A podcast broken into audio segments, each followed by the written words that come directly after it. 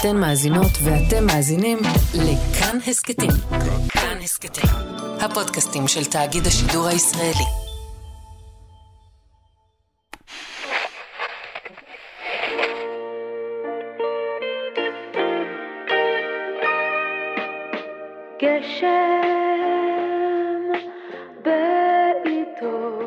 כל פעם שהתחיל גשם היו שמים אותו. אז אמרתי, מה זה? זה מה שיצא לו. בסוף כל פעם שיורד גשם, שאני מבקשת שהוא יפסיק, דווקא הוא לא מפסיק. רק הגשם בא לו בזמן, לא, לא אכפת. אני בלבלתי את הקהל. זה לא שיר מזג אוויר. תראה, באופן מפתיע השיר הזה גם עמד לדרות, ולא ידעו שהוא על המלחמה. כולם דילגו על כמה עצב בא איתו, מה העצב? גשם בעיתו זה ברכה, נכון? גשמי ברכה.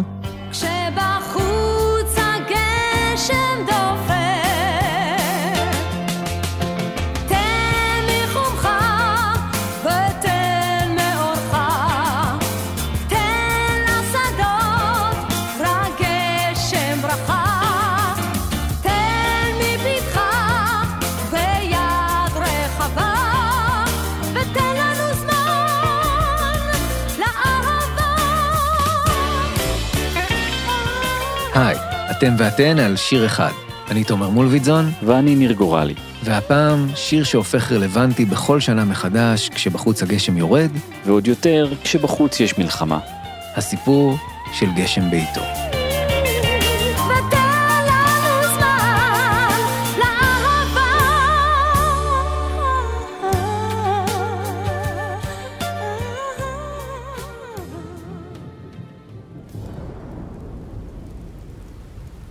בבית שלי, איך שגידלו אותי, אנחנו והמדינה זה היה אותו דבר.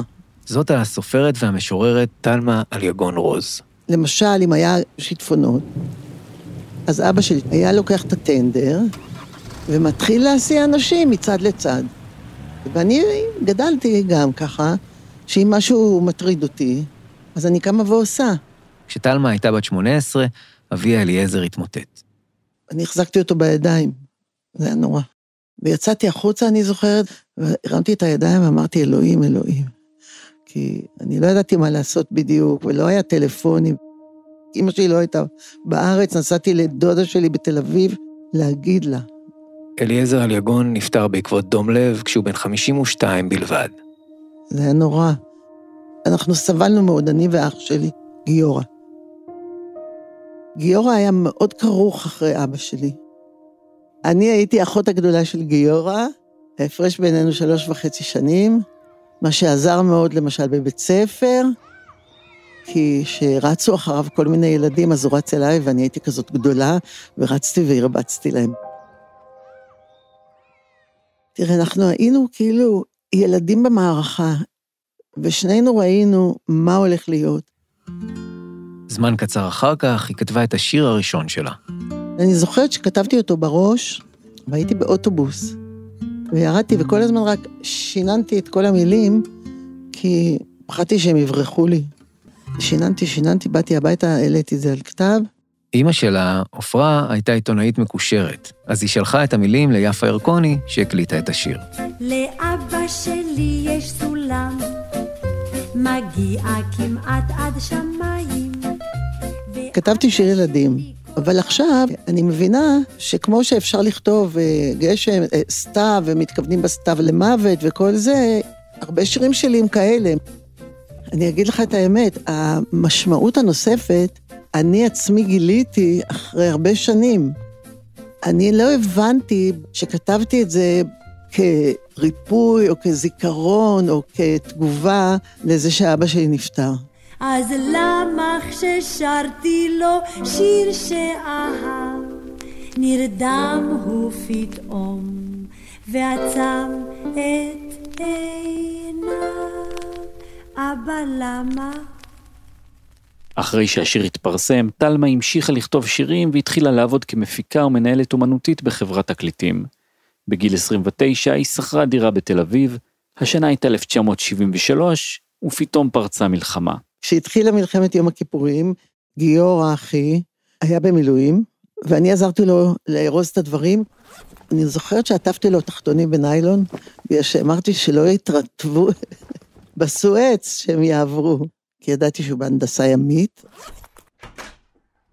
ואז הייתי יושבת בבית, על פוף כזה, ואומרת, אם אני לא אזוז, גיורא לא תיפול עליו פצצה. השיטה שלי הצליחה, והוא שרד. ב-17 באוקטובר הוא שלח לי גלויה. הדבר הראשון שכתבתי בגלויה, אין לך מה לדאוג. מה, מה פתאום לדאוג? זה גיורא אליגון, אחיה של תלמה. אני, שאומרים לי אין לך מה לדאוג, אני דואגת. כי למה אומרים לי את זה? סימן שצריך לדאוג. יום אחד, באמצע המלחמה, פתאום נשמעה דפיקה בדלת. זה היה המוזיקאי והמלחין קובי אושרת שבדיוק חזר מסיני. ואמר לי, את לא מבינה מה שהולך שם? ראו עליו שזה... באמת הוא היה מאובק, הוא הגיע ממשאית כזאת. כשהמלחמה התחילה, הוא עזב הכל ורץ להופיע בפני חיילים. באנו להופיע בתחנת מכ"ם ישראלית. עכשיו, אה, המצרים כל הזמן ניסו להשמיד את התחנת מכ"ם הזאת. אה, השקיעו אותנו במרתף, ובחמש בבוקר נפל טיל על התחנה, ומחק אותה לגמרי. 25 חבר'ה נהרגו. יצאנו החוצה, היה כתם שחור במקום כל התחנה הזאת. הבומבה שנפלה, אני לא יכול לתאר לך את העוצמה של, ה, של הפיצוץ. הופענו ביחידת נגד מטוסים, ראינו כל הזמן בדרך לזאת כל מיני גוויות וטנקים שרופים. עוברים את התעלה, בהתחלה עוד רואים עוד אורות וזה, פתאום חשיכה גדולה, ופתאום הג'יפ הזה עוצר, והנהג יוצא ואומר, תסתובבו, אנחנו בתוך שטח המצרי. זה היה אסון יכול לקרות שהיינו נופלים בשבי עם בנות. הלב שלנו היה בתחתונים. כשחזר הביתה מטולטל מהמראות והחוויות, הוא הלך לפגוש את תלמה. הוא אומר לי, את לא מבינה מה שהולך שם? צריך להרים להם את המורל. אז אני אומרת לו, קובי, חורבן בית שלישי, אני לא בטוחה שיש לי כוח, אני לא יודעת מה לעשות. אבל קובי התעקש. הוא השאיר לי קסטה, באיזה שעה אתה צריך את זה? הוא חטף את זה ואומר לי, בשש וחצי, שזה יהיה בארון חשמל. ואני שומעת, כמה שמח, מה זה שמח הזה, מה שמח? ואז היה לי את הגלויה של גיורא בצד השני. התחלנו לקבל כל מיני חבילות מהבית. בדרך כלל זה היה עוגות שהיו נמרחות על האריזה, אבל היו דברים שהיו הרבה יותר חסרים, כמו דברים פשוטים, נייר טואלט, גופיות, גרביים, וזה מה שביקשתי לקבל. וככה מתוך זה כתבתי, מגויס לגמרי. כתבתי גם מורל ממש גבוה, זאת אומרת, זה לא מגויס, זה סופר מגויס. לא היה להם מורל גבוה, ואני צריכה להרים, אמרו לי.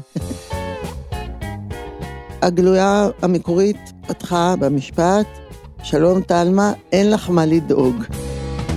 אין לך מה לדאוג, אני נזהר, ולובש גם סוודר. אין לך מה לדאוג, זה מיותר, הכל בסדר. את השיר "אין לך מה לדאוג", או בשמו העממי "שלחי לי תחתונים וגופיות", הקליט עוזי פוקס והוא מיד הפך ללהיט. שלחי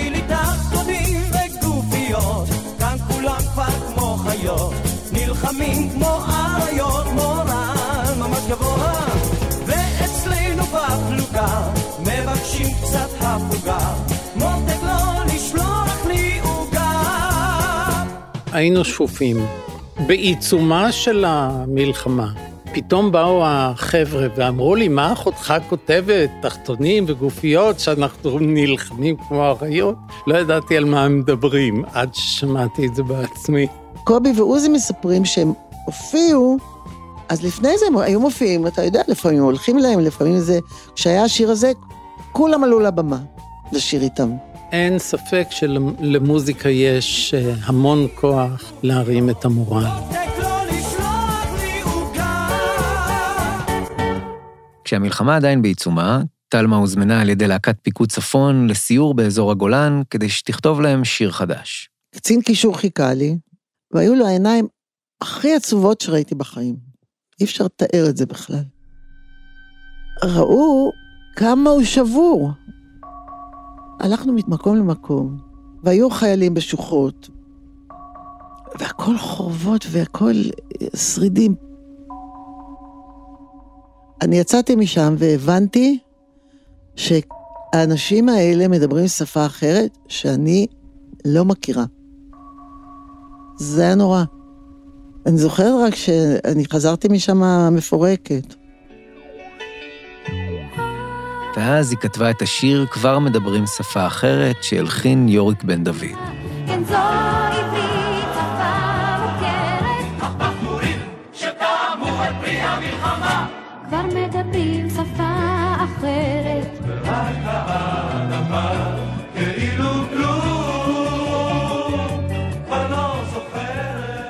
אבל הדאגה לאח שלה, המראות והחוויות מהצפון ומזג האוויר החורפי לא הניחו לה.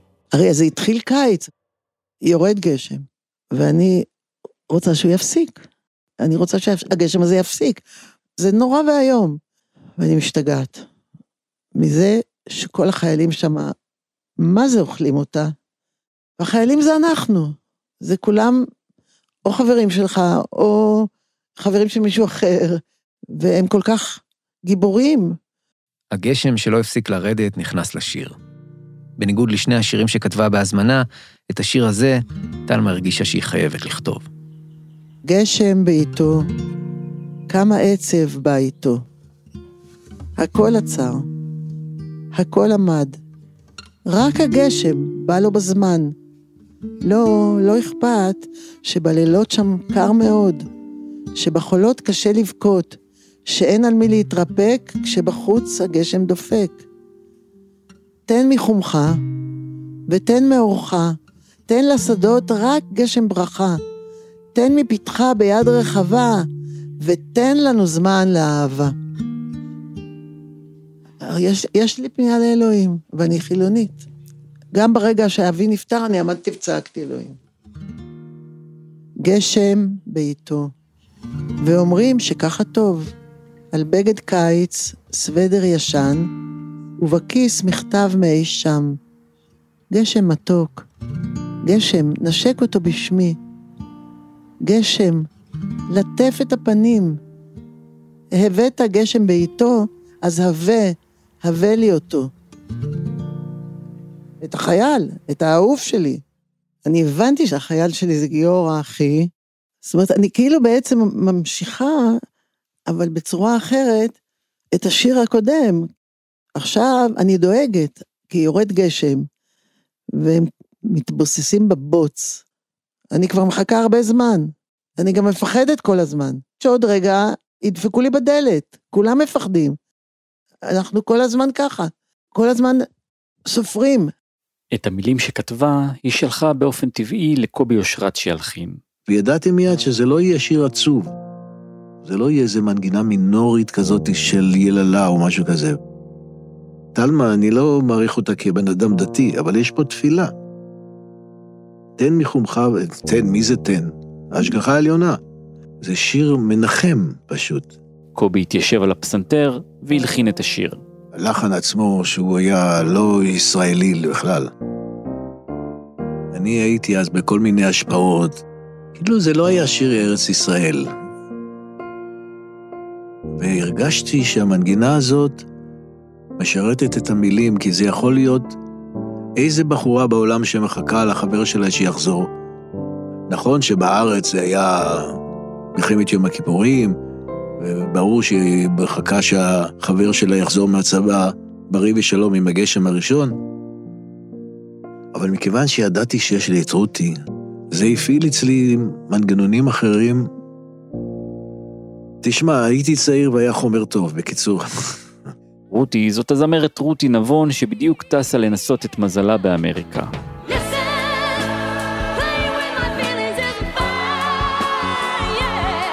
ואיך שהגעתי לארה"ב התחילה המלחמה, מלחמת יום כיפור.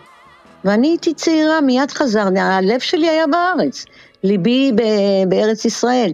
חזרתי לארץ להתנדב להופעות, התחלנו להופיע בכל מקום. זה היה כיף לא רגיל, אבל זה גם היה מאוד מאוד עצוב.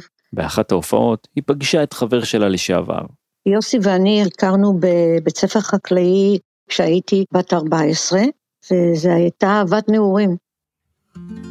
ואחר כך נפרדנו.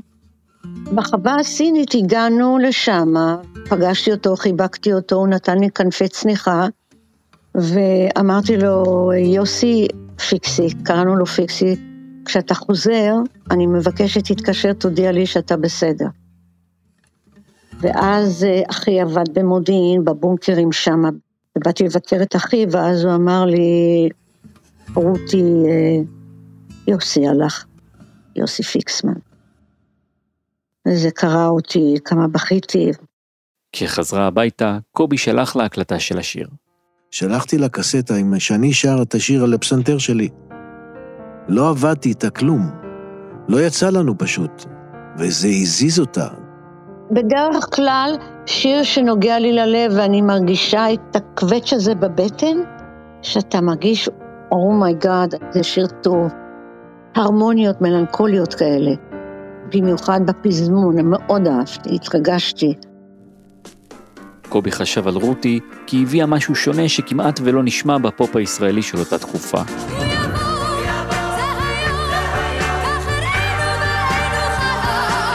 היא הביאה את אמריקה אלינו. סגנון השירה של אף זמרת לא שרה עד שרותי נבון באה כמוה. באתי עם R&B מיוזיק, והבאתי את זה לארץ, וכמובן שהמבקרים היו, מה היא צורחת, מה היא מאלתרת, זה לא היה להם נורמלי, הם, הם היו רגילים לאומפה אומפה מאירופה המזרחית. לקראת ההקלטה, קובי גיבש סביבה נבחרת של נגני אולפן. אלון נטורל כמובן, אלי מגן, ארלי קמינסקי לדעתי, שהיה אז המתופף, המתופף בארץ. פתאום נכנס לאולפן בחור עם גיטרה שלא הכרתי אותו מעולם, שהוא אומר לי, שלום, אני חיים קריו, ואני רוצה לנגן בשיר שלך. ברגע הראשון אתה אומר, סליחה, מאיפה החוצפה הזאת? מה אתה רוצה לנגן בשיר? מי אתה בכלל? אבל הייתה לי איזו הערה באלף, ואמרתי לו, קח את הפלייבק של השיר. אם תנגן פתיחה יפה, אתה מנגן איתנו בשיר.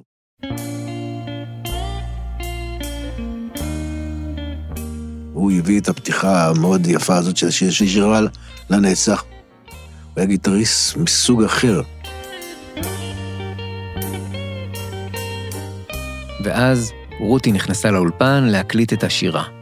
איזה הערה הייתה לי אז שאמרתי לטומי פרידמן, זיכרונו לברכה, המקימים של אולפני טריטון, זה לא טומי, תלחץ על הכפתור של הרקורד, מה יכול להיות? גשם בעיתו, כמה עצב בעיתו. קודם כל היה לה קול מדהים, והשמיעה מוזיקלית, זה הרג אותי יותר מהכל. פתאום באה הבחורה הזאת עם ההשפעות שלה, היא... איתה יכולת לעשות כל דבר.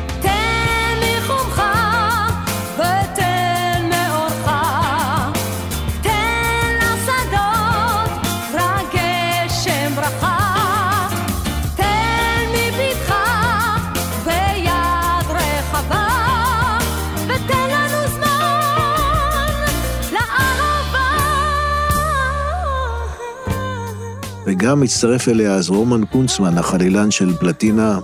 שניהם נכנסו, פעם ראשונה שרו וניגנו ביחד, וזה היה קסם מטורף. ואומרים שככה טוב על בגד קיץ, סוודר ישן. היא הלכה למקומות שאני לא ציפיתי אפילו בכלל. האלתורים שלה היו בלתי ניתנים לתיאור.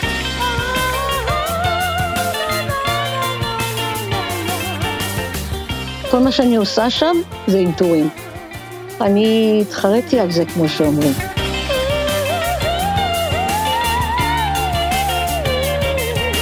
ואני הייתי המום. זה פיצץ לכולנו את הראש, למוזיקאים. היא כתבה מנגינה חדשה בעצם.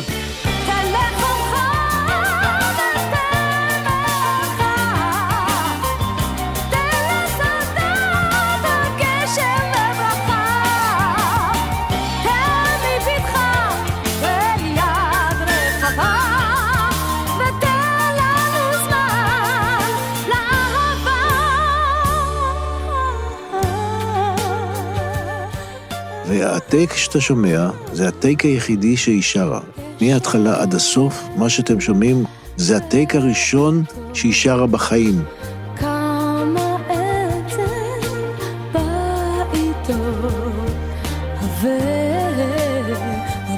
היא שרה את זה נהדר. היא עושה סאול. תפילות לא צריכות להיות עצובות, הן צריכות להיות מרוממות נפש. הן לא עצובות. גשם בעיתו.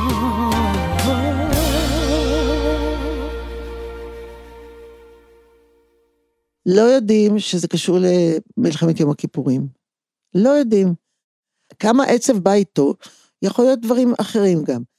אבל אחר כך על בגד קיץ, סוודר ישן, ובכיס מכתב מאי שם. זה הכל רמזים.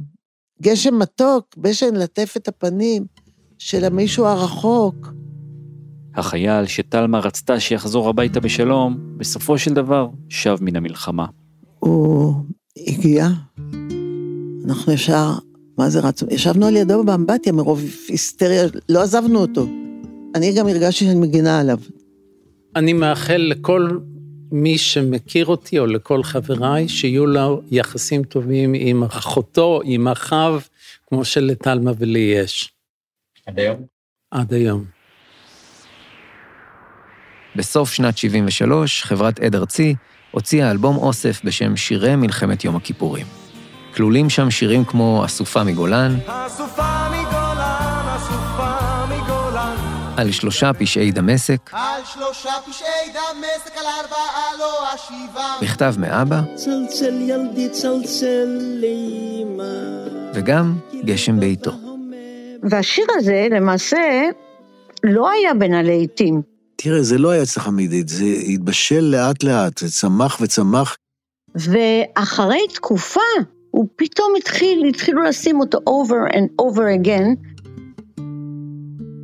השיר הזה הוא, הוא געגועים ל- לאהבה, כי הכל זורם. יש גשם, יש זה, יש ההוא, אבל אתה לא כאן. אז תבוא כבר, תבוא אליי. כל אה, אדם נדבק לשיר הזה בצורה אחרת. כמו שאני נדבקתי לשיר הזה לפי החיים שלי, ככה כל אחד אה, מתקרב לשיר בצורה אחרת, לפי מה שקורה לו בחיים. אני חושבת שהוא לא נתפס כשיר מלחמה, הוא יותר נתפס כשיר תפילה לימים שלא תהיה בהם מלחמה. יותר. כי הבקשה הזאת, תן לנו זמן לאהבה. המשפט הזה הוא המשפט המוביל. המשפט שאומר, הדור הצעיר צריך זמן לאהבה ולא למלחמה. וזה משפט על-זמני, ולכן השיר מחזיק.